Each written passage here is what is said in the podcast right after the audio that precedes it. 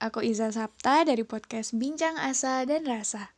Sebelum episode ini dimulai, aku mau ngasih tahu kalau sekarang bikin podcast itu gampang banget loh teman-teman. Kamu bisa install aplikasi Anchor yang merupakan bagian dari Spotify. Dengan Anchor, kamu bisa rekam dan publish podcast kamu langsung ke Spotify. Kabar baik lainnya, aplikasi ini tuh 100% gratis. Jadi, tunggu apa lagi? Langsung download aplikasi Anchor sekarang. Memperbaiki masa lalu. Memangnya bisa. Bukannya apa yang sudah terjadi ya ya udah ya.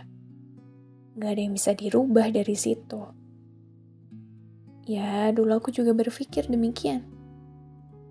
Apa yang bisa kita perbaiki terhadap hal-hal yang sudah terlanjur terjadi? Apalagi saat kita sudah membawa luka, bahkan trauma. Tapi jawabannya ada. Ada yang bisa kita perbaiki dari masa lalu. Memang bukan kejadiannya, bukan juga segala hal yang ada di dalam masa lalu itu. Tapi yang kita ubah adalah cara pandang kita tentang masa lalu kita yang membawa luka, bahkan trauma, membuat masa lalu tidak berkesan baik dalam pikiran dan ingatan kita.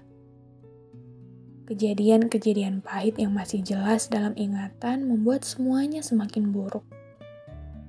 Coba kita berhenti sebentar dan pikirkan ini baik-baik. Bahwa kita mungkin memang tidak bisa kembali ke saat itu kita mungkin tidak bisa mengubah alur ceritanya. Tapi keadaan kita yang masih terluka, bahkan trauma saat ini, sebab masa lalu itu bisa kita perbaiki sebagai akhir.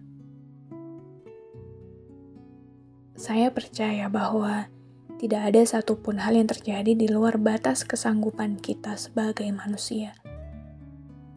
Kita memang tidak bisa memegang kendali penuh atas apa-apa yang sudah terjadi tapi, bukankah jika tidak mengalami itu, kita tidak akan menjadi kita yang hari ini?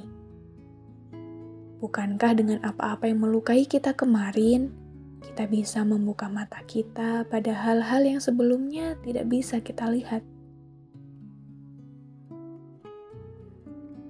Iya,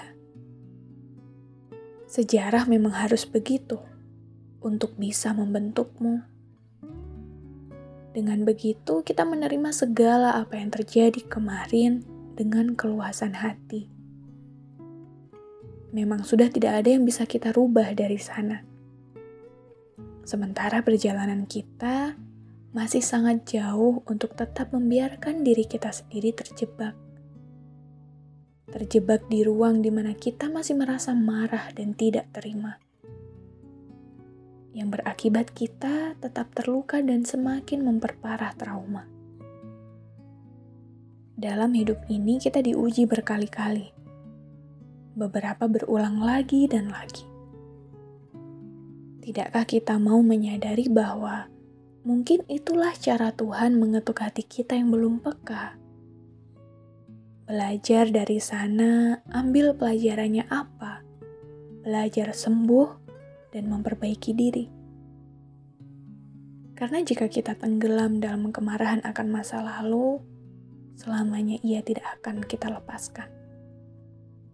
Trauma kita semakin dalam sementara yang dapat menyembuhkan itu ya diri kita sendiri, bukan siapa-siapa. Sebab kendali kita ada pada diri kita sendiri. Kendalimu ada pada dirimu. Tenggelam dalam luka dan trauma ini hanya akan menghancurkan. Tapi jika kamu mau belajar untuk menyadari dan meluaskan hatimu dan pelan-pelan merelakannya, maka kamu bisa lepas dan mengepakkan sayapmu lagi. Itulah yang bisa kita ubah dari masa lalu. Cara pandang kita untuk menyikapi akhirnya bagaimana? Keputusan kita untuk menentukan akhir cerita seperti apa yang bisa membuat masa lalu itu berakhir bahagia.